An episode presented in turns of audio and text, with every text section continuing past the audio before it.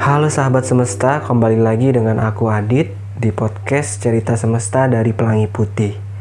Terima kasih buat kamu yang sudah menyempatkan singgah di podcast ini. Selamat berkelana di tengah semesta. Menyibak cahaya mentari, menerawang bayangan yang terus menjauh berlari menyisakan secercah gelombang yang mulai meredup, menggantikan koma menjadi titik, mengubah tanya menjadi jawab. Atas garis waktu yang terasa buru-buru, yang tak lagi menyempatkan temu. Apa kabar? Dari kejauhan dan bertanya sendiri. Kini menggantikan lagi apa?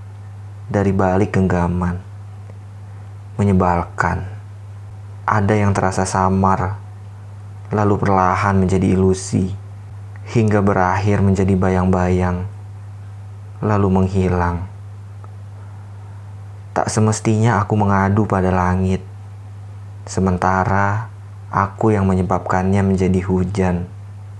Tak semestinya aku membiarkanmu menetap, sementara aku yang membuat hatimu menutup.